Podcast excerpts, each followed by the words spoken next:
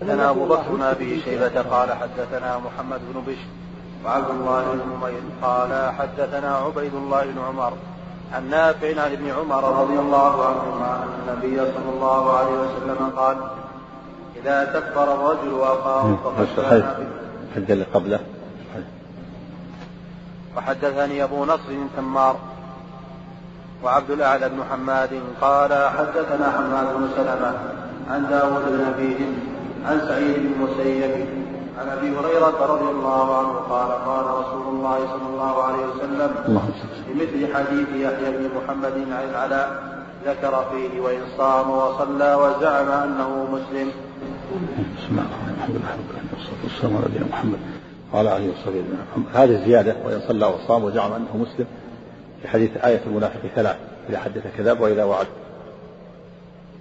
صام وزعم أنه مسلم يعني وزعم أنه مسلم حقا وإلا فهو معه أصل الإسلام فهو ضعيف الإيمان وضعيف الإسلام وإن زعم أنه مسلم أي مسلم حقا. ف من ارتكب كبيرة يقال ليس بمسلم حقا ليس بمؤمن حقا.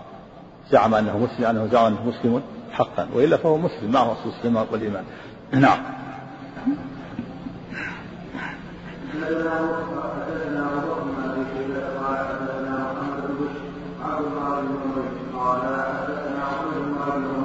عن نافع عن ابن عمر رضي الله عنهما أن النبي صلى الله عليه وسلم قال إذا كفر الرجل أخاه فقد باء بها أحدهما. وحدثنا يحيى بن يحيى التميمي ويحيى بن أيوب وقتيبة بن سعيد وعلي بن حجر جميعا عن إسماعيل بن جعفر. قال يحيى بن قال يحيى بن يحيى أخبرنا إسماعيل بن جعفر. عن عبد الله بن دينار أنه سمع ابن عمر رضي الله عنهما يقول قال رسول الله صلى الله عليه وسلم أيما امرئ قال لأخيه يا كافر فقد باء بها أحدهما إن كان كما قال وإلا رجعت عليه. في لفظ وإلا حارت عليه وإلا حار عليه والمعنى رجع. هذا فيه الوعيد الشديد. على من كفر أخاه كفر يعني قال له يا كافر قال يا مشرك أو قال يا يهودي. ومثله قال يا خبيث يا فاسق هذا فيه الوعيد الشديد وأنه إن كان أهلا لذلك وقعت على المقول له وإن لم يكن لها أهلا لها رجعت إلى الذي قالها. إذا قال لأخيه يا كافر أو قال يا فاسق أو يا خبيث إن كان أهلا له لذلك وقعت وإن لم يكن أهلا لها رجعت إلى الذي قالها. هذا فيه الوعيد الشديد وهذا إذا كفره بغير تأويل. أما إذا كان بتأويل فهذا مستثنى إذا كان متأول كما قال عمر بن الخطاب رضي الله عنه لحاضر بن أبي بلتعة لما كتب كتاب الله قال دعني أضرب عنق هذا المنافق فإنه قد خان الله ورسوله. هذا متأول إذا كان الشيء يوجب هذا فلا بأس. أما إذا يكن متأولا فهذا هو الذي عليه الوعيد الشديد.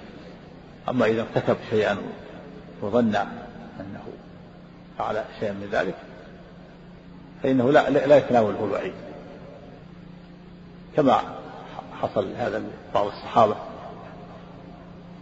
مثل ذلك ما حصل في قصة الإفك. لما خطب النبي صلى الله عليه وسلم قال من يعذرني؟ من رجل بلغني أذاه في أهلي والله ما فعل علي إلا خيرا.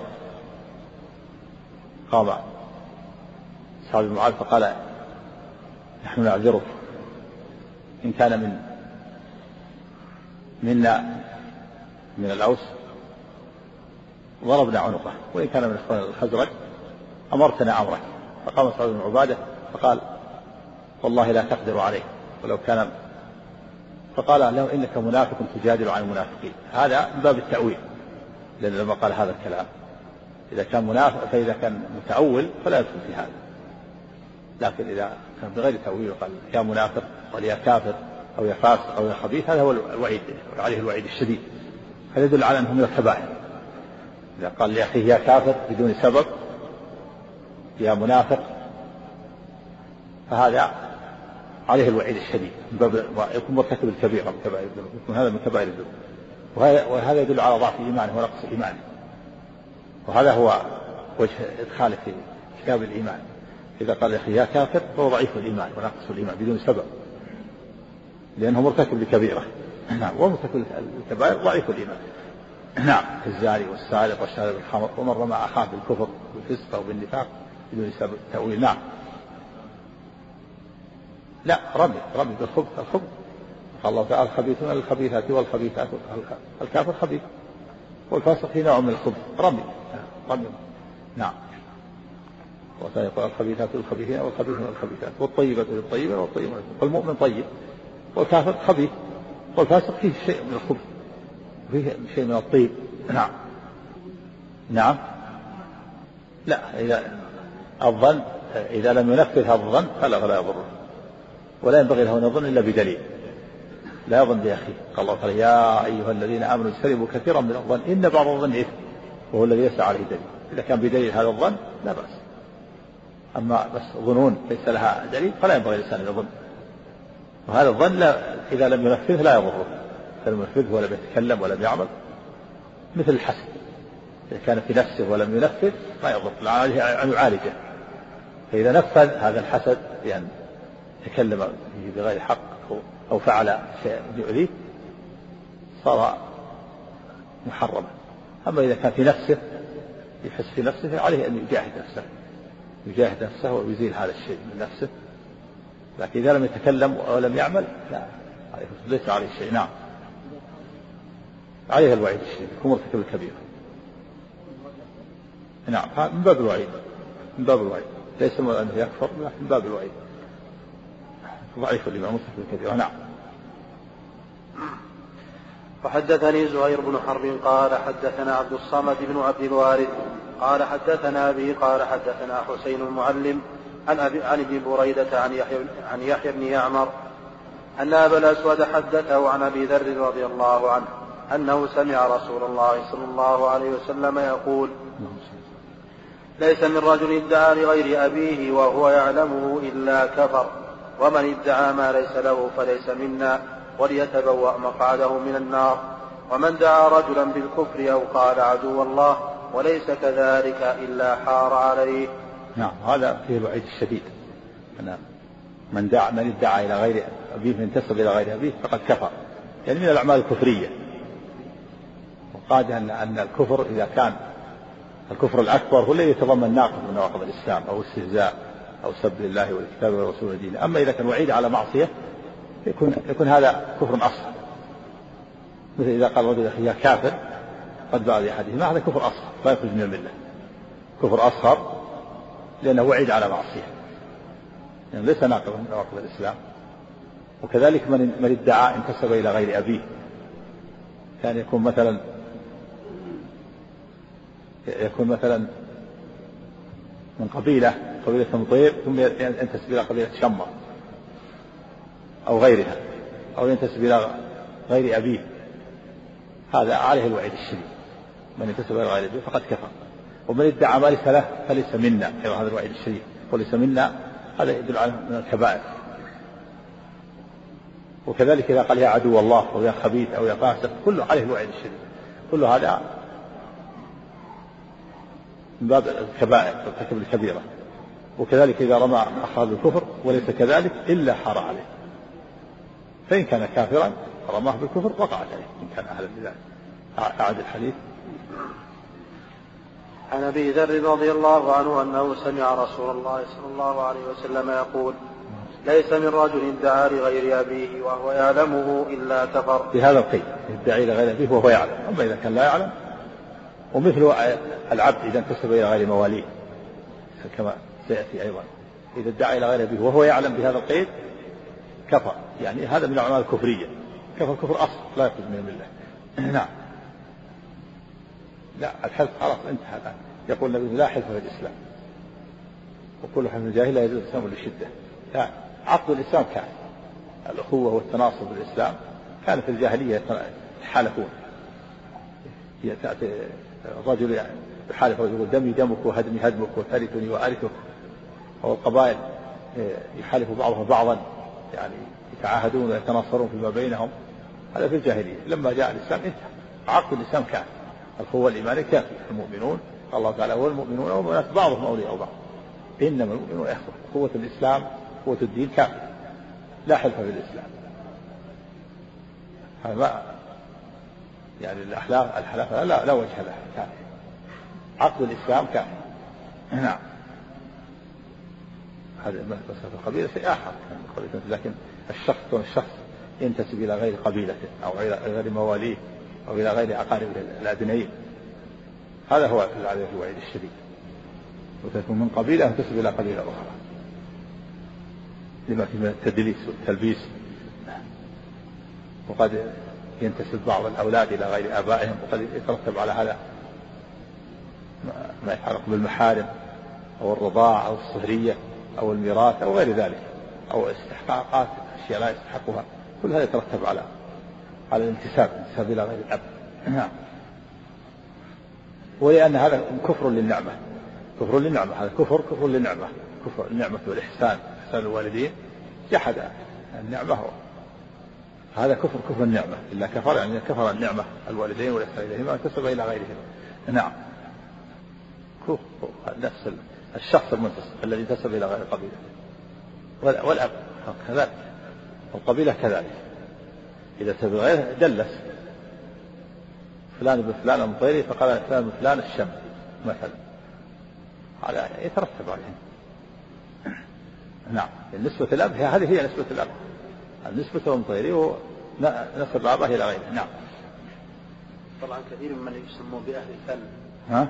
بأهل الفن أو التمثيل يغيرون أسماءهم من باب التمثيل. هل يدخلوا في الوعيد؟ إيه هذا حتى هذا يدخل باب من أبواب أخرى من باب التزوير. من باب التزوير. التزوير حرام. تزوير قولا وفعلا. كون يزور بالقول ويزور بالفعل. ومن باب أيضا آه، كذلك أيضا كونه يمثل بالفعل وبالقول. سوى. مزور الآن. وإذا كان لوحة القوم أيضا كذلك ذنب آخر. هذه ظلمات بعضهم فوق بعض نسأل الله العافية. نعم. حدثني هارون بن سعيد الأيلي قال حدثنا ابن وهب. قال أخبرني عمرو عن عن جعفر بن ربيعة عن عراك بن مالك أنه سمع أبا هريرة رضي الله عنه يقول إن رسول الله صلى الله عليه وسلم قال لا ترغبوا عن آبائكم فمن رغب عن الحديث أعاد الحديث الأول. من ادعى إلى غير ابيه وهو يعلم ذر رضي الله عنه أنه سمع رسول الله صلى الله عليه وسلم يقول ليس من رجل ادعى لغير أبيه وهو يعلمه إلا كفر. هذا يعني ضعيف الإيمان كفر كفر أصغر. نعم. لأنه كفر النعمة وجحدها نعم. ومن ادعى ما ليس له فليس منا. كذلك هذا ألحق بعضهم قول ليس منا من الكبائر ادعى ما ليس له من المال أو من غيره. ادعى شيء ليس له. الكبيرة أصح ما قيل فيها أنها كل ذنب رحمك الله ترتب عليه حد في الدنيا أو وعيد في الآخرة بالنار أو اللعنة أو الغضب هذه الكبيرة. وألحق بعضهم ما قال فيه النبي ليس منا أو نفى عنه الإيمان. هذا قال ليس منا يدل عنه من يدعي ما ليس له فليس منا. نعم. ومن ادعى ما ليس له فليس منا وليتبوأ مقعده من النار. توعد بالنار ونفي عنه لما ليس منا. فدل عنه من الكبائر. كل إنسان يدعي ما ليس له من المال أو من المتاع أو غير ذلك. نعم. وهو يعلم. نعم. ومن دعا رجلا بالكفر أو قال عدو الله وليس كذلك إلا حار عليه. إلا رجع عليه. وهذا وعيد شديد دل عنه من الكبائر. نعم. حتى مجرد عدو الله لو قال عدو الله. نعم كذلك. قال عدو عدو الله هو الكافر. من كان عدو لله وملائكته ورسله جبريل فإن الله عدو للكافرين. نعم هذا العدو العدو. والعاصي عدو من وجه وولي من وجه. نعم. حدثني هارون بن سعيد الأيلي قال حدثنا ابن وهب قال أخبرني عمرو عن جعفر بن ربيعة عن عراك بن مالك أنه سمع أبا هريرة رضي الله عنه يقول إن رسول الله صلى الله عليه وسلم قال لا ترغبوا عن آبائكم فمن رغب عن أبيه فهو كفر. نعم لا ترغبوا عن آبائكم يعني بالانتساب إلى غير أبيه. لا ترغبوا عن آبائكم فمن رغب عن أبيه فهو كفر. من الأعمال الكفريه كونه ينتسب إلى غير أبيه أو إلى غير قبيلته هذا من كفر الإحسان وجحد النعمة. نعمه الوالدين. نعم. هو كفر أصغر. فيكون ضعيف الإيمان. وهذا وجه حاله في كتاب الإيمان. نعم. حدثني عمرو الناقد قال حدثنا هشيم بن بشير. أخبرنا خالد عن أبي عثمان قال لما ادعي زياد لقيت أبا بكرة رضي الله عنه فقلت له فقلت له ما هذا الذي صنعتم؟ إني سمعت سعد بن أبي وقاص رضي الله عنه يقول سمع أذناي من رسول الله صلى الله عليه وسلم وهو يقول من ادعى أبا في الإسلام غير أبيه يعلم أنه غير أبيه فالجنة عليه حرام.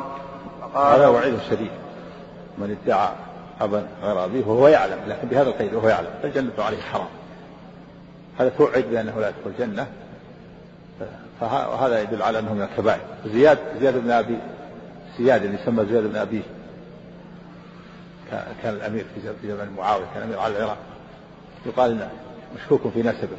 منهم من يقول ينسب زياد بن أبيه ومنهم من ينسب زياد بن أبي سفيان. قال أبو عثمان لأبي بكر ما هذا الذي صنعتم يعني؟ وكان أخاه من من أمة. قال لأبي بكر من أمة. قال ما هذا الذي صنعتم؟ نسبتموه يعني إلى غير أبيه زياد بن أبيه عليكم السلام.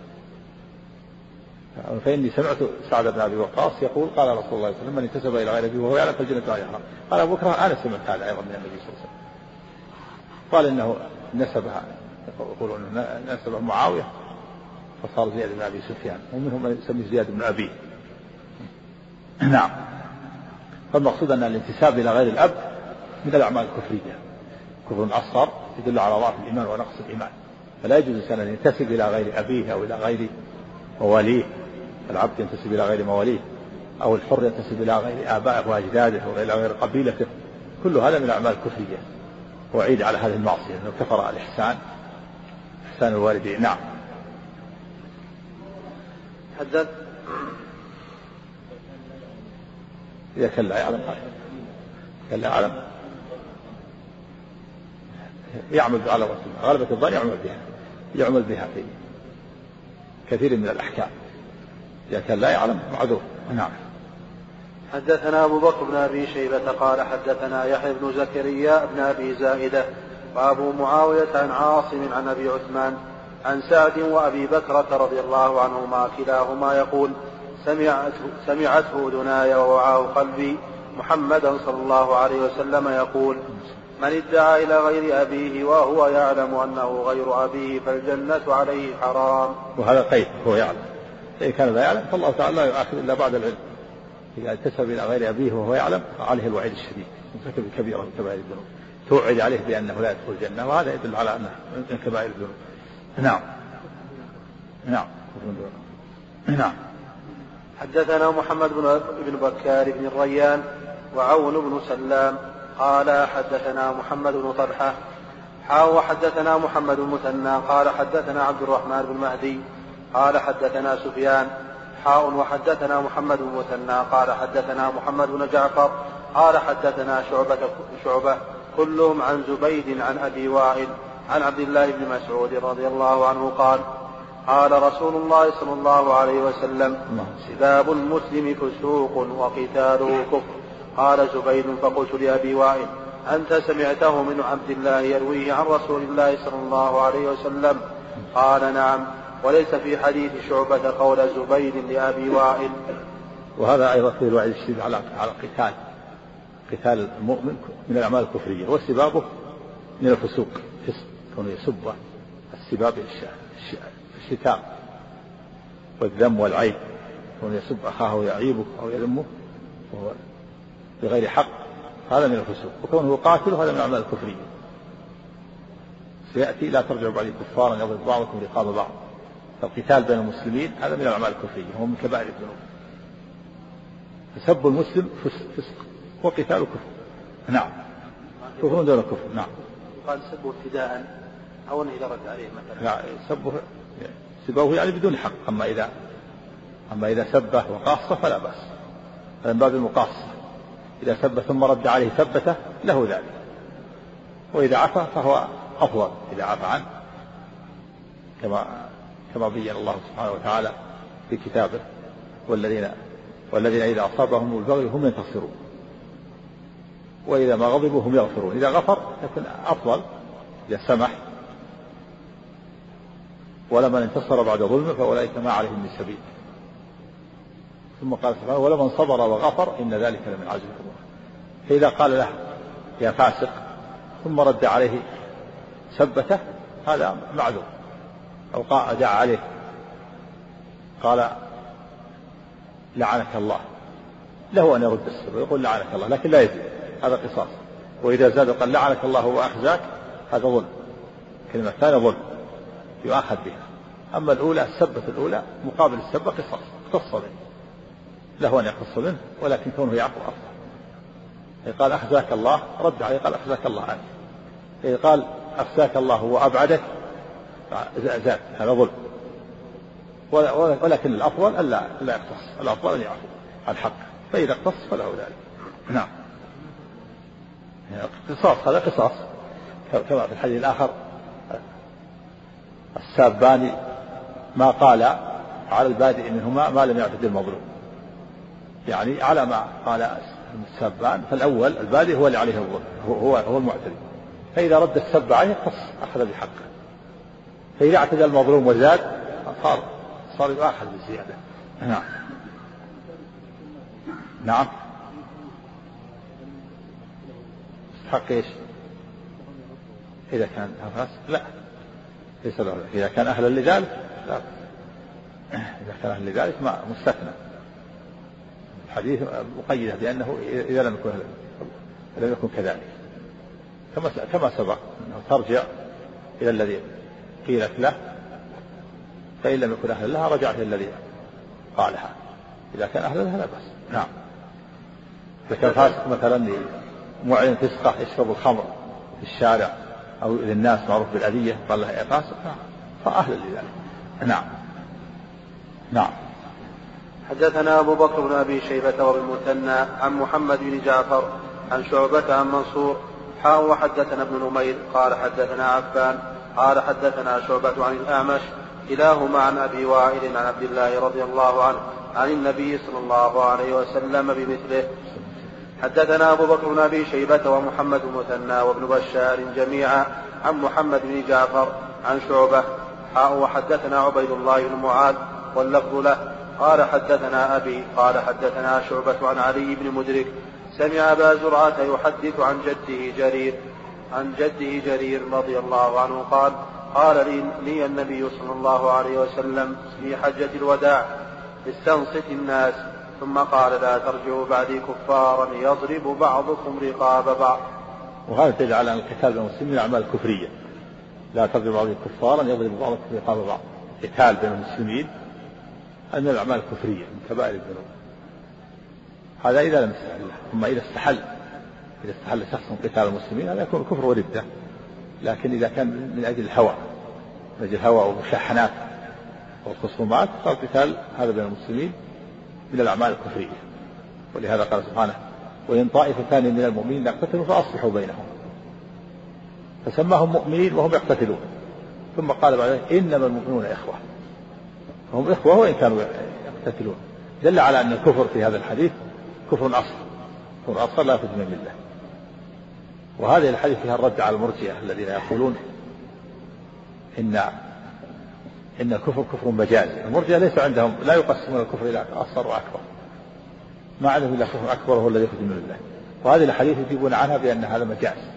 كفر مجازي تسمية مجازية. هذا غلط. القرآن ليس فيه مجاز ليس فيه مجاز. القرآن حقيقة. هذا كفر حقيقي لكنه كفر دون كفر. كفر أصل لا يخرج من الملة نعم. ها؟ إذا تأويلات هذه على المستحل أو أو قارب. الصواب هو هذا.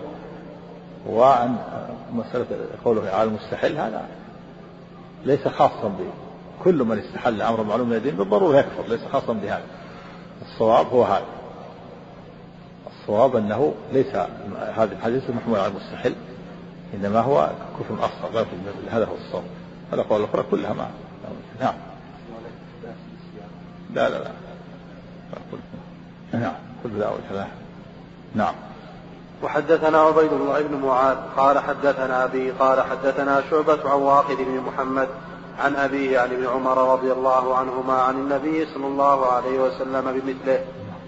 وحدثني أبو بكر بن أبي شيبة وأبو بكر بن خلاد الباهلي قال حدثنا محمد بن جعفر قال حدثنا شعبة عن واقد بن محمد بن زيد أنه سمع أباه يحدث عن عبد الله بن عمر رضي الله عنهما عن النبي صلى الله عليه وسلم أنه قال في حجة الوداع ويحكم أو قال ويلكم لا ترجعوا بعدي كفارا يضرب بعضكم رقاب بعض. نعم كفارا يضرب بعضكم هذا وصف. يعني كفارا بهذا الوصف ضرب الرقاب. وهو من الاعمال الكفرية. نعم هذا يدل على نقص الإيمان وضعف الإيمان. نعم. حدثني حرملة بن يحيى قال أخبرنا عبد الله بن وهب. قال حدثني عمرو بن محمد أن أباه حدثه عن ابن عمر رضي الله عنهما عن النبي صلى الله عليه وسلم بمثل حديث شعبة عن واقد. وحدثنا أبو بكر بن أبي شيبة قال حدثنا أبو معاوية حاء وحدثنا ابن نمير واللفظ له. قال حدثنا أبي ومحمد بن عبيد كلهم عن الأعمش عن أبي صالح. عن أبي هريرة رضي الله عنه قال قال رسول الله صلى الله عليه وسلم إثنتان في الناس هما بهم كفر الطعن في النسب والنياحة على الميت. وهاتان الاثنتان أيضا من الأعمال الكفرية. كفر أصغر لا يخرج من الملة لأنه لأنه معصيته إذا كان بعيد على معصية يكون من الكفر الأصغر. الطعن في النسب يعني عيب عيب الأنساب وتنقصها وذمها كما هي عيب.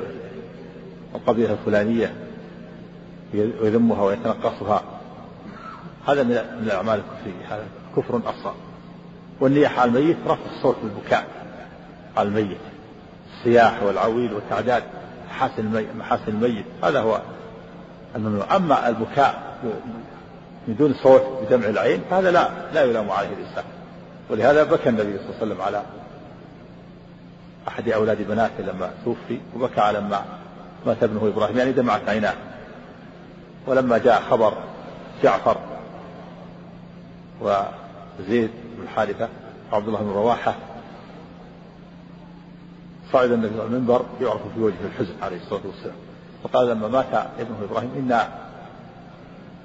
إن القلب يحزن والعين تدمع ولا نقول إلا ما يرضي الرب. وإنا لفراقك يا وإنا لفراقك يا إبراهيم لمحزونون المراد بالنياحة رفع الصوت بالبكاء هذه من الأعمال الكفرية وكذلك طعن الأنساب طعن في الأنساب. وذمه وعيبه. الله تعالى بين أن أنه جعل الناس شعوبا وقبائل ليتعارفوا لا ليتفاخروا ولا ليذم بعضهم بعضا يا أيها الناس إنا خلقناكم من ذكر وأنثى وجعلناكم شعوبا وقبائل لتعارفوا إن أكرمكم عند الله يتقاكم إن الله عليم خبير. فذم الأنساب والطعن وعيبها ولمزها كل هذا من الأعمال الكفرية ومن أعمال أهل الجاهلية. نعم.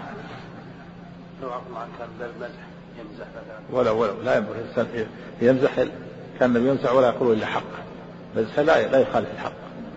نعم.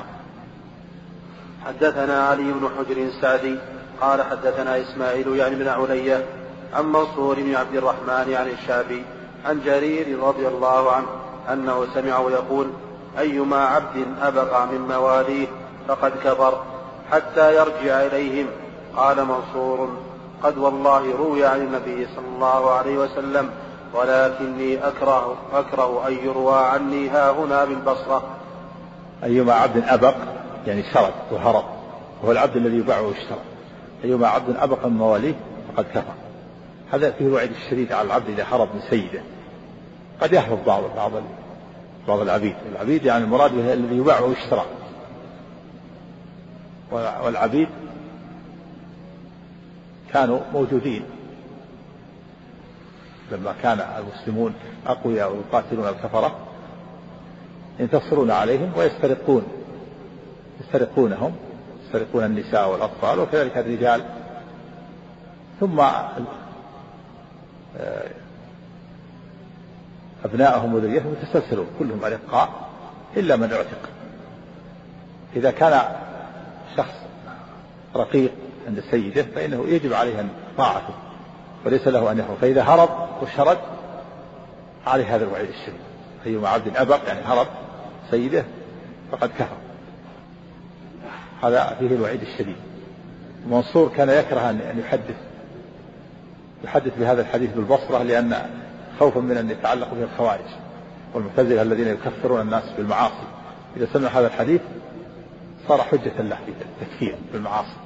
ولهذا كان منصور يكره أن يروى عن هذا الحديث هذا بالبلد بالكوفة لوجود الخوارج الذين يكفرون الناس بالمعاصي فخشي أن يحتجوا بهذا الحديث على باطلهم في تكفير المسلمين بالمعاصي. نعم. أيما أيما عبد أبى يقول عن جرير أنه سمعه يقول أيما عبد أبق من مواليه فقد كفر حتى يرجع إليهم. نعم. قال منصور يعني ترجع إلى سيده يعني.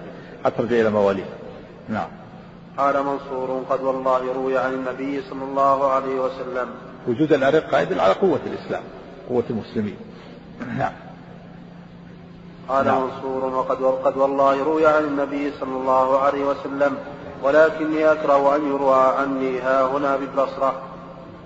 حدثنا أبو بكر بن أبي شيبة قال حدثنا حفص بن غياث عن داود عن الشعبي عن جرير رضي الله عنه قال قال رسول الله صلى الله عليه وسلم أيما عبد أبق فقد برئت منه الذمة. نعم. هذا وعيد وعيد شديد يدل على من الكبائر هروب العبد من أسياده نعم. وكذلك انتسابه إلى غير مواليه كون العبد ينتسب إلى غير مواليه. مواليه مثلا قبيلة فلانية ثم ينتسب إلى قبيلة أخرى هذا أيضا من الكبائر نعم لأنه كفر للنعمة نعمة السيد نعم نعمة نعمة السيد نعم حدثنا يحيى حدثنا يحيى بن يحيى قال أخبرنا جرير عن مغيرة عن الشعبي قال كان جرير بن عبد الله رضي الله عنه يحدث عن النبي صلى الله عليه وسلم قال إذا أبق العبد لم تقبل له صلاة. نعم وهذا وعيد شديد. إذا أبق العبد هرب لم تقبل له صلاه. المعنى أنه لا يثاب عليها لكن صلاته صحيحة ما يؤمر بالإعادة. مثل قوله عليه الصلاة والسلام من أتى عرافا فسأله عن شيء لم تقبل له صلاة أربعين يوما. هذا وعيد. المعنى أنه لا يثاب عليها لكن لا يؤمر بالإعادة. إعادة الصلاة صحيحة. لكن المعنى أنه لا يثاب عليه وعيد شديد. نعم. حدثنا يحيى بن يحيى قال قرأت على مالك عن صالح بن كيسان عن عبيد الله بن عبد الله بن عتبة عن زيد بن خالد الجهني رضي الله عنه قال صلى بنا رسول الله صلى الله عليه وسلم صلاة الصبح. صلاة الصبح بالحديبية في أثر السماء كانت من الليل. فلما انصرف السماء يعني مطر السماء مرض به مطر يعني بعد مطر. نعم. قال صلى بنا رسول الله صلى الله عليه وسلم صلاة الصبح بالحديبية في أثر السماء كانت من الليل. في في إثر السماء في إثر السماء بالألف نعم. واللام ها؟ ها؟ إيه. ما عندك أل؟ عندك أل؟ نعم طبعا يمكن رواية في السماء يعني مثل المطر أو إيه. ها من الذي من الذي يقول هذا؟ حقيق ها؟ نووي إيه. نعم. نعم عندك في السماء كذا؟ نعم. إيش بعده؟ كانت من الليل. لا هو كانت من الليل. فأحسن حذف نعم. في السماء يعني على إثر مطر كانت من الليل. قال صلى بنا رسول الله صلى الله عليه وسلم صلاة الصبح بالحديبية في في إثر سماء كانت من الليل. فلما انصرف أقبل على الناس فقال هل تدرون ماذا قال ربكم؟ قالوا الله ورسوله أعلم. قال قال أصبح من عبادي مؤمن بي وكافر. فأما من قال مطرنا بفضل الله ورحمته فذلك مؤمن بي كافر بالكوكب. وأما من قال مطرنا بنوع كذا وكذا فذلك كافر بي مؤمن بالكوكب. وهذا هذه الموعظة النبي بعد صلاة الصبح. صلى بهم بعد صلاة الصبح بعد مطر كان من الليل. قال هل تدرون ماذا قال ربكم الليلة؟ وهذا من باب التشويق أخرج في أخرج الموعظة في مخرج السؤال. قال الله ورسوله أعلم. هذا في حياته الله ورسوله. قال قال يعني الله سبحانه وتعالى أصبح من عبادي مؤمن بي وكافر هذا حديث قدسي. كلام الرب. يعني قال الرب سبحانه وتعالى كلامه لفظا ومعنى أصبح من عبادي مؤمن بي وكافر. لأن الناس انقسموا إلى قسمين بعد هذا المطر منهم مؤمن ومنهم كافر. فأما من قال مقرنا بفضل الله ورحمته فذلك مؤمن بي كافر بالكفر. مؤمن بالله كافر وأما من قال مطرنا بنوع كذا يعني بنجم كذا هذا كافر في مؤمن بالكوكب. كافر بالله مؤمن مؤمن بالكوكب. فإذا نسب المطر إلى النجم إلى النجوم والأنواع هذا من الأعمال الكفرية. لكن إن كان يعتقد أن أن النجم له تأثير في إنزال المطر والنجم هو الذي يتصرف وله التأثير في إنزال المطر فهذا شرك أكبر مخرج من الملة شرك في الربوبية. أما إذا كان يعتقد أن المدبر هو الله والمنزل المطر هو الله لكن النجم النجم سبب فهذا كفر أصغر. هو دائر بين الكفر الأصغر والكفر الأكبر على حسب الاعتقاد. إن كان يعتقد أن النجم له تأثير في إنزال المطر هذا كفر أكبر يخرج من الملة. معناه أنه اعتقد أن أن النجم مؤثر مع الله مدبر. أما إذا اعتقد أن المدبر هو الله لكن لكن النجم سبب. فهذا شرك أصغر لأن النجم ما هو سبب ما جعله الله سببا يكون شرك أصغر. هذا إذا قال مطرنا بنوع كذا أو بنجم كذا بالباء. أما إذا قال مطرنا في نوع كذا في نجم كذا في وقت كذا هذا لا بأس به. مطرنا في في في الموسم في وقت الموسم. مطرنا في في نوع كذا يعني في وقت كذا لأن المراد بها الوقت. هذا لا بأس به. إذا أتى بكلمة في لا بأس به. الممنوع الباء يعني الباء تفيد السببية يقول مطرنا بنوع كذا بنجم كذا. هذا شرك أصغر إذا كان يعتقد أن المنزل المطر هو الله وأن النجم لا ليس له تأثير. أما إذا قال مطرنا في نوع كذا أو في وقت كذا في وقت الموسم في وقت كذا هذا لا بأس به لأن المراد الوقت لأن المراد بها الوقت. ليس في ليس ليس هناك تسبب. نعم. حدثني حرملة بن يحيى وعمرو بن سواد العامري ومحمد بن سلمة المرادي. نعم.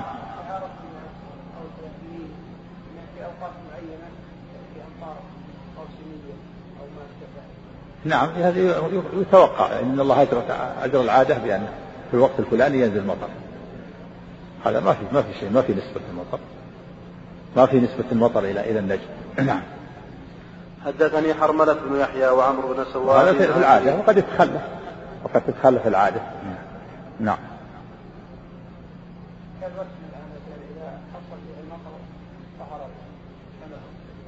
نعم. لأن الله أجرى هذا. أجرى هذا. هذا ما في ما في نسبة. أقول ما في نسبة الأشياء إلى المطر نعم. نعم حدثني حرملة بن يحيى وعمرو بن سواد العامري ومحمد بن سلمة المرادي. يقال خرجت الكمأة بالنجم بالماء. بالنجم. هذا لكن المراد هنا يعني السبب وتعالى جعل هذا سبب. جعل مثلا المطر سبب مثلا في في خروجه هذا معروف جعله الله من الأسباب الحسية. نعم لكن النجم طلوع النجم أو نزول النجم ما هو سبب في نزول المطر. لكن مثلا انبات النبات والله تعالى جعل لنا سبب في انبات النبات. وقد يتخلف المسبب نعم. نعم لا. وليس علامة ما هو بعلامة. هذا باطل. هذا من الشرك مو بعلامة. هذا يعني دعوة باطلة ليس على ما هو بعلامة. لا طلوعه علامة ولا نزوله علامة. نعم. هو العلامة بمعنى السبب نعم. إذا قالوا في سهيل مثلا غارب إذا تكثر الأمطار بإذن الله. نعم هذا ما تكثر الأمطار وقد يتخلى. هذا ما في ما في نسبة. ما نسب المطر إليه. نعم. النسبة هو ينسب يقول المثنى في في سهيل طلع سهيل. نعم.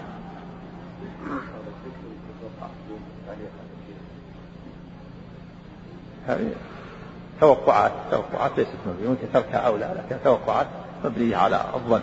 نعم. حدثني حرملة بن يحيى وعمرو بن سواد العامري ومحمد بن سلمة المرادي. قال المرادي حدثنا عبد الله بن وهب عن يونس وقال الآخران أخبرنا ابن وهب. قال أخبرني يونس عن ابن شهاب. قال حدثني عبيد الله بن عبد الله بن عتبة أن أبا هريرة رضي الله عنه قال قال رسول الله صلى الله عليه وسلم ألم تروا إلى ما قال ربكم؟ قال ما أنعمت على عبادي من نعمة إلا أصبح فريق منهم بها كافرين. يقولون الكواكب وبالكواكب. نعم. هذا كفر أصغر كما سبق. إذا على حسب التفصيل السابق. إذا لم يعتقد أنها مؤثرة. وهو حديث قدسي. ألم تروا إلى ما قال ربكم؟ من قول الله لفظا ومعنى. نعم.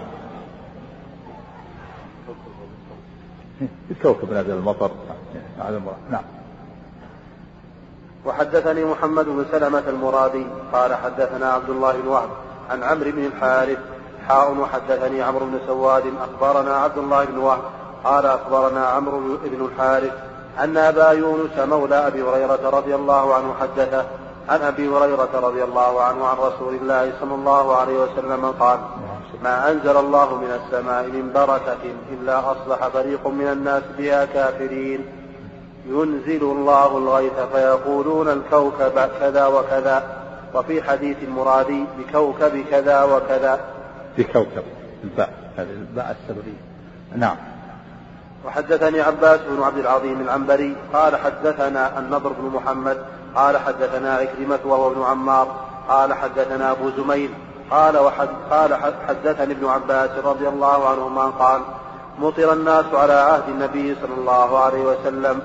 قال النبي صلى الله عليه وسلم أصبح من الناس شاكر ومنهم كافر. قالوا هذه رحمة الله. وقال بعضهم لقد صدق نوء كذا وكذا. قال فنزلت هذه الآية فلا أقسم بمواقع النجوم. حتى بلغ وتجعلون رزقكم أنكم تكذبون. رزقكم يعني حظكم شوفكم على ما أنزل عليكم من المطر والغيث والرحمة أنكم تكذبونه وتنسبونه إلى غير الله. تجعلون رزقكم أنكم تكذبون حظكم وشكركم على ما أنزل عليكم من الغيث والمطر والرحمة أنكم تكذبون وتنسبونه إلى غير الله. تقول مطرنا بنوع كذا لقد صدق نوء كذا وكذا. قال بعضهم لقد صدق نوء كذا صدق النجم الفلاني. يعني لما طلع نزل المطر. هذا من من الأعمال الكفرية. لقد صدق كذا فلا نعم. فلا أقسم بمواقع النجوم. في المراد النجوم في السماء وفي المراد النجوم نزول القرآن منجمة نجوم القرآن على حسب الحوادث. نعم. حدثنا محمد مثنى قال حدثنا عبد الرحمن بن مهدي عن شعبة عن عبد الله بن عبد الله بن جبر قال سمعت أنس رضي الله عنه قال قال رسول الله صلى الله عليه وسلم الله. آية المنافق بغض الأنصار وآية المؤمنين وآية المؤمن حب الأنصار. آية آية المنافق. آية المنافق بغض الأنصار وآية المؤمن حب الأنصار. آية عن العلامة علامة علامة المنافق بغض الأنصار وعلامة المؤمن حب الأنصار. والمراد بهم أنصار الله ورسوله أنصار دين الله. ويدخل في ذلك دخولا أوليا الأوس والخزرج الذين نصروا نصروا الله ورسوله. هم يدخلون دخولا أوليا هم أول من يدخل في هذا الحديث. والحديث عام يشمل كل من نصر دين الله في كل زمان ومكان من نصر دين الله العلماء والدعاة والآمر بالمعروف والنهي عن المنكر وغيرهم. حبهم دليل على الإيمان. على على ما وبغضهم دليل على النفاق. ما أبغضهم إلا لنفاق في قلبه. فمن أبغض أهل الخير وبغض الدعاة إلى الله والأمر بالمعروف والنهي عن المنكر هؤلاء هم أنصار الله هم أنصار دينه من أبغضهم هذا علامة على النفاق. ومن أحبهم علامة على الإيمان. وأنصار رسول الله وسلم في الدرجة الأولى هم أول ما يدخل في هذا الحديث. الأوس والخزرج رضي الله عنهم من أحبهم حبهم دليل على الإيمان. وبغضهم دليل على النفاق. وكذا كل من نصر الله ورسوله كل من نصر دين الله من أحبهم فهو مؤمن على الإيمان وما أبغضهم فهو منافق ما أبغضهم إلا لبغضه لدين الله. نعم. نعم. وش وش الدليل على أنها هديه؟ لا الرسول مشرع للأمة كلها إلى يوم القيامة. من قال إنه خاطب تحتاج إلى هات الدليل. هذا التحكم. نعم. نعم. أي هم الأنصار. وكذلك من نصر دين الله يسمى من الأنصار أيضا. كل من نصر دين الله فهو أنصار.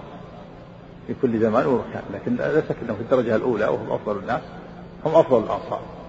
وهم في مقدمة الأنصار ولا يمنع هذا من دخول غيرهم. معنى هذا إذا قلت أنه خاص في الأنصار معنى أن من نصر دين الله يجوز بغضه اللي يبغضه مؤمن.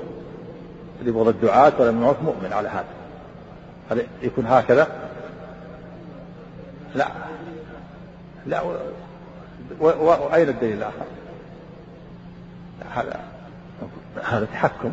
أقول هذا تحكم. الدعوة تحكم ليس عليه دليل. نعم نعم. نعم. نعم. نعم. الأم السابقة والأم اللاحقة من أحب أنصار الله فهو مؤمن. ومن أبغض أنصار الله فهو منافق. فالفساق يبغضون أنصار عيسى لا. يبغضونهم الفساق يبغضونهم ما يحبونهم. نعم. نعم. هذا من باب الوعيد. أقول باب الوعيد يدل على ضعف الإيمان نقص الإيمان هذا نفاق. ظاهر النفاق نفاق عملي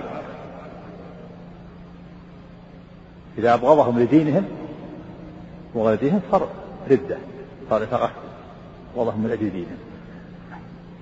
من أبغض دين الله كفر. يكون مرتد نفاق أكبر. لا. ليس ظاهرا. نعم. حدثنا يحيى بن حبيب الحارثي قال حدثنا خالد يعني ابن الحارث قال حدثنا شعبة عن عبد الله بن عبد الله عن أنس رضي الله عنه عن النبي صلى الله عليه وسلم أنه قال حب الأنصار آية الإيمان وبغضهم آية النفاق. يعني علامة. نعم. وحدثني زهير بن حرب قال حدثني معاذ بن معاذ. حاء وحدثنا عبيد الله بن معاذ. واللفظ له. قال حدثنا أبي قال حدثنا شعبة. عن عدي بن ثابت قال سمعت البراء رضي الله عنه يحدث عن النبي صلى الله عليه وسلم أنه قال في الأنصار لا يحبهم إلا مؤمن ولا يبغضهم إلا منافق. من أحبهم أحبه الله ومن أبغضهم أبغضه الله. قال شعبة ويدخل في الدرجة الأولى؟ الأنصار الخزرج رضي الله عنهم هم في الدرجة الأولى. هم أول الناس دخولا في هذا في هذا الحديث. نعم. قال شعبة قلت لعدي سمعته من البراء قال إياي حدث. نعم. حدثنا قتيبة بن سعيد قال حدثنا يعقوب يعني ابن عبد الرحمن القاري عن سهيل عن أبيه عن أبي هريرة رضي الله عنه أن رسول الله صلى الله عليه وسلم قال لا يبغض الأنصار رجل يؤمن بالله واليوم الآخر. الله وحدثنا عثمان بن محمد هذا وعيد وعيد شديد وعيد شديد نعم. نعم. وحدثنا عثمان بن محمد بن أبي شيبة قال حدثنا جرير حاء وحدثنا أبو بكر بن أبي شيبة قال حدثنا أبو اسامه وهذا إذا أبغضهم لدينهم صار مرتد نعوذ بالله. فما عنده شيء من الإيمان. أبغضهم لدينهم. أما إذا أبغضهم لشيء آخر ما يصل إلى بغض الدين فهذا قد لا يكون كفر أكبر. لكن إذا أبغضهم لدينهم هذا كفر. ما أبغض دين الإسلام كفر. نعم. إذا كره دين الإسلام ذلك بأنهم كرهوا ما أنزل الله فأحبط أعمالهم. إذا كره دين الإسلام هذا كفر وردة. نعم. وحدثنا عثمان بن بن محمد. وحدثنا عثمان بن وحدثنا عثمان بن محمد ابن أبي شيبة قال حدثنا جرير حاول وحدثنا أبو بكر بن أبي شيبة قال حدثنا أبو سامة كلاهما عن الأعمش عن أبي صالح عن أبي, عن, عن, عن أبي صالح عن أبي سعيد رضي الله عنه قال قال رسول الله صلى الله عليه وسلم لا يبغض الأنصار رجل يؤمن بالله واليوم الآخر. حدثنا أبو بكر بن أبي شيبة قال حدثنا وكيع وأبو معاوية عن الأعمش حاء وحدثنا يحيى بن يحيى واللفظ له. قال أخبرنا أبو معاوية عن الأعمش عن عدي بن ثابت عن زر قال قال علي والذي خلق الحبة وبرأ النسمة إنه لعهد النبي الأمي صلى الله عليه وسلم إنه لعهد النبي الأمي صلى الله عليه وسلم إلي ألا يحبني إلا مؤمن ولا يبغضني إلا منافق. نعم هذا في هذا حب علي رضي الله عنه. دليل على الإيمان وبغضه دليل على النفاق وكذلك بقية المهاجرين بقية الصحابة من الأنصار والمهاجرين. بغضهم دليل على النفاق وحبهم دليل على الإيمان. من أحب الصحابة هذا دليل على الإيمان ومن أبغضهم دليل على النفاق. الرافضة يبغضونهم ويسبونهم فلهذا يكثر النفاق في الرافضة. يبغضون الصحابة ويسبونهم ويكفرونهم ويفسقونهم. فمن أحب علي رضي الله عنه فهو مؤمن دليل على الإيمان. لا يحبه إلا مؤمن ولا يبغضه إلا منافق وكذلك أبو بكر وعمر وعثمان وبقية المهاجرين والأنصار. لا يحبهم إلا مؤمن ولا يبغضهم إلا منافق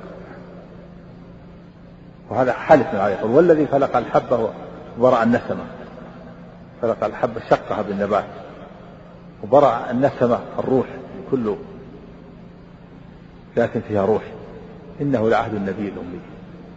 أن لا يحبه إلا مؤمن ولا يبغضه إلا منافق؟ نعم. هل نعم. إذا أبغضهم كلهم. أما إذا أبغض شخص أو أفراد قد يكون أبغضه لذاته أو لشيء في أمور دنيوية أو شيء يتعلق بشخصه أو بجسده. مثل ما أبغض واحد يعني بعض الأفراد من الصحابة. أما إذا أبغضهم كلهم أو أكثرهم هذا يجعل النفاق قد يبغض الواحد مثل من يسب الواحد بعض الشيعة يسب معاوية وكذا. هذا فسق لكن إذا أبغض الصحابة كلهم أو كفر الصحابة السنة هذا ردة أعوذ بالله. يسب الصحابة كلهم أو أغلبهم أو كفرهم هذا ردة. أما الواحد والإثنين هذا فسق. نعم. بلى كل كلهم كل الصحابة كلهم أنصار الله. لكن خص الأوس والخزرج بهذا هذا اسم خاص. وإلا فكل الصحابة أنصار وكل المؤمنين أنصار لله ولرسوله. لكن الأخص اسم الأنصار كذلك المهاجر خص المهاجرون بالذين قدموا من مكة إلى المدينة وخص اسم الأنصار بالأوس والخزرج الذين آووهم ونصروهم. نعم إيش؟ وين وين الحديث؟ إيه. إيه هذا ثابت. أقول ما ليس في العمدة عالي ثابت عنه وعن غيره. وإذا كان إذا كان مثلا شيعي أو أو مثلا خارجي صادق فإنه يقبل منه. الغالب عن الشيعة الكذب لكن المعروف على الخوارج هم الذين عرف عنهم الصدق. ولهذا عمر بن الخطاب ومعروف البخاري هو خارجي يعني معروف بالصدق. ويتدينون بترك الكذب. وهذا ثابت ثابت تؤيده الأحاديث. في حديث خيبر أن قال النبي صلى الله عليه وسلم أنه يعطي الراية رجل يحب الله ورسوله ويحب الله ورسوله يفتح الله على دينه فأعطاها علي نعم. تؤيده الأحاديث نعم. حدثنا محمد بن رمح بن المهاجر المصري قال أخبرنا الليث عن ابن هاد عن عبد الله بن دينار عن عبد الله بن عمر رضي الله عنهما عن رسول الله صلى الله عليه وسلم أنه قال يا معشر النساء تصدقن وأكثر من الاستغفار فإني رأيتكن أكثر أهل النار. فقالت امرأة منهن جزلة جزلة وما لنا يا رسول الله أكثر أهل النار؟ قال تكثرن اللعن وتكفرن العشير. وما رأيت من ناقصات عقل ودين أغلب لذي لب منكن. قالت يا رسول الله وما نقصان العقل وما نقصان العقل والدين؟ قال أما نقصان العقل فشهادة امرأتين تعدل شهادة تعدل شهادة رجل فهذا نقصان العقل وتمكث الليالي ما تصلي وتفطر في رمضان فهذا نقصان الدين. وهذا فيه أمر من النساء بالصدقة تصدقنا في دليل على أن الصدقة تخفف تخفف العقوبة وتدفع وهج النار ولهبها ولهي قال تصدقنا. يا ثم بين ذلك السبب قال فإني رأيتكن أكثر أهل النار. فهذه الصدقة تطفئ النار. فلهذا أمرهن بالصدقة لأنهن لأن النساء يتعرضن لأقصاب النار أكثر. وبين النبي صلى الله عليه وسلم ذلك. قال إني رأيتهن أكثر أهل النار. قامت فقالت يا رسول الله ما لنا أكثر النار. قال تكثرن اللعن السباب والشتام وتكفرن العشير العشير الزوج. العشير سعيد بمعنى معاشر بمعنى مفاعل العشير بمعنى المعاشر الزوج المعاشر. وهذا كفر كفر الإحسان. إذا أحسن إذا أحسن إليها الدهر ثم رأت شيئا قالت رأت خيرا هذا كفران العشير كفران الزوج كفران الإحسان. هذا كفر عملي. لا يخرج من الله. سماه كفر وهذا صحيح لأنه المراد كفر الإحسان.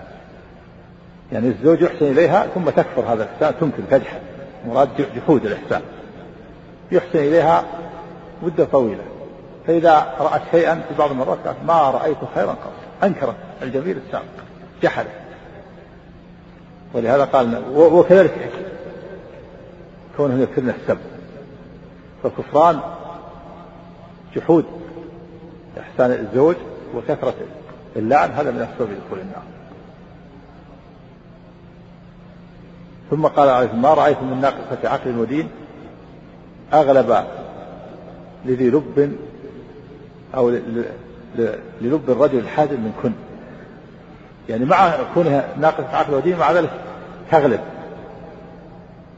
أو تأخذ بلب الرجل الحازم العاقل وهن ناقصة عقل ودين. فقامت امرأة جاز له وقالت ما لنا ما نقصان ودين. فبين له النبي أن نقصان العقل شهادة امرأتين بشهادة امرأة. قال تعالى فإن واستشهدوا شهيدين من رجالكم فإن لم يكن رجلين فرجل وامرأتان ممن ترضون من الشهداء. وأما نقصان الدين فإنها تمكث الليالي لا تصلي وتدخل في رمضان إذا جاءت العادة الشهرية في وقت الحيض.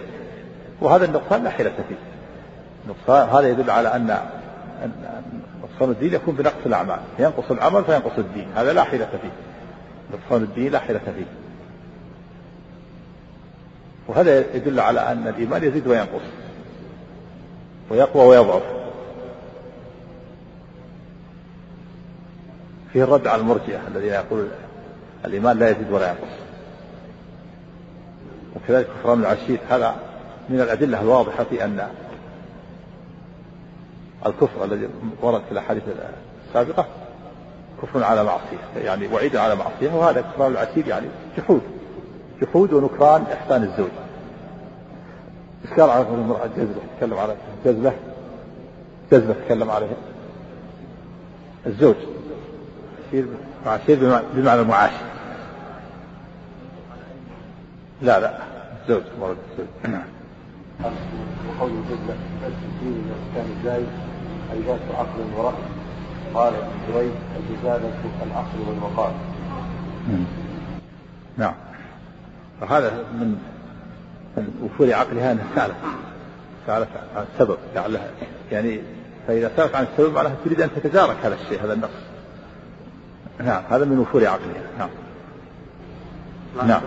صح مسلم قال والجزلة الشهامة والجدة. والجدة. والجدة مع العقل والرفق إيه. يعني عندها عقل ورأي. من وفور عقلها ورأيها أنها سألت عن السبب حتى تتلافى النقص. وتسد النقص. نعم. ما هو؟ المراد الزوج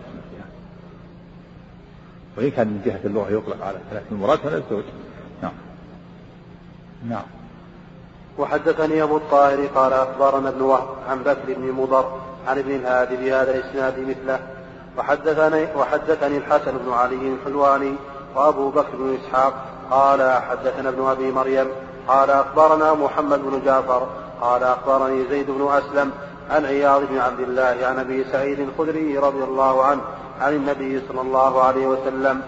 حاء وحدثنا يحيى بن أيوب وقتيبة وابن حجر قالوا حدثنا إسماعيل وهو ابن جعفر عن عمرو بن أبي عمرو عن المقبوري عن أبي هريرة رضي الله عنه عن النبي صلى الله عليه وسلم بمثل معنى حديث ابن عمر عن النبي صلى الله عليه وسلم. حدثنا أبو بكر بن أبي شيبة وأبو قريب قال حدثنا أبو معاوية عن الأعمش عن أبي صالح عن أبي هريرة رضي الله عنه قال قال رسول الله صلى الله عليه وسلم إذا قرأ ابن آدم السجدة فسجد اعتزل الشيطان يبكي يقول يا ويله. وفي رواية أبي كريب يا ويلي. أمر ابن أمر ابن آدم بالسجود فسجد فله الجنة وأمرت بالسجود فأبيت فلي النار. الله العافية. وهذا وهذا السجود الذي امتنع منه إبليس هذا لأنه كافر كفر كفر بالإباء والاستكبار هو استكبر أبى واستكبر فكان كافرا. كافرا كفر أكبر في من الملة لأنه كفر بالإباء والإستكبار. نعم. قال الله تعالى ويقول لها الملائكة اسجدوا لآدم فسجدوا إلا إبليس أبى واستكبر وكان من الكافرين. نعم. يقصد الشيطان يعني يعني نفسه. ها؟ نعم. تحسر لكن ما يفيد. نسأل الله العافية. نعم.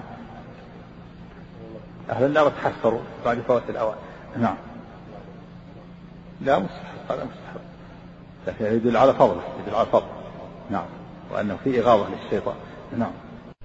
حدثني زهير بن حرب قال حدثنا وكيع حدثنا الأعمش حدثنا الأعمش بهذا الإسناد مثله غير أنه قال فعصيت فلي النار. نعم. فهي معصية كفر. نعم. حدثنا يحيى, يحيى بن يحيى التميمي وعثمان بن أبي شيبة كلاهما عن جرير. قال يحيى أخبرنا جرير عن الأعمش عن أبي سفيان. قال سمعت جابر رضي الله عنه يقول سمعت النبي صلى الله عليه وسلم يقول إن بين الرجل وبين الشرك والكفر ترك الصلاة. نعم. حدثنا أبو غسان بن إسماعيل. قال حدثنا الضحاك بن مخلد عن ابن جريج. قال أخبرني أبو الزبير أنه سمع جابر بن عبد الله رضي الله عنهما يقول سمعت رسول الله صلى الله عليه وسلم يقول بين الرجل وبين الشرك والكفر ترك الصلاة. نعم هذا في أن ترك الصلاة كفر. إن بين الرجل وبين الشرك والكفر ترك الصلاة. وفي اللفظ الآخر بين الرجل وبين الكفر ترك الصلاة. لكن إذا تركها جاحدا لوجوبها فهو كافر بإجماع المسلمين. إذا تركها جحودا هذا كافر بالإجماع من غير خلاف. أما إذا تركها كسلا وتهاونا ومقر يعلم أنها واجبة ومصدق هذا كفر على الصحيح في أصح قول العلماء. لأن النبي صلى الله عليه وسلم جعل الصلاة حدا فاصل بين الكفر وبين الإيمان والبينية تفصل بين الشيء وبين الآخر بين الرجل والمسلم ترك الصلاة. وهذا هو الذي أجمع عليه الصحابة كما نقل عبد الله بن شقيق العقيلي ونقله ابن حزم ونقله غيره من العلم. وهو الذي تدل له النصوص الكثيرة وهو الذي عليه المحققون وقال آخرون من أهل العلم إنه يكون كافر كفر أصغر كافر من الملة. لكن هذا قول ضعيف. الصواب أنه كفر أكبر ولو لم يجحد وجوبه. أما إذا جحد وجوبه هذا كافر بإجماع بإجماع بإجماع العلماء من غير خلاف. إذا ترك جاحدا. أما إذا قر بوجوبها وصدق لكن تركها كفر وتهاونا هذا محل الخلاف.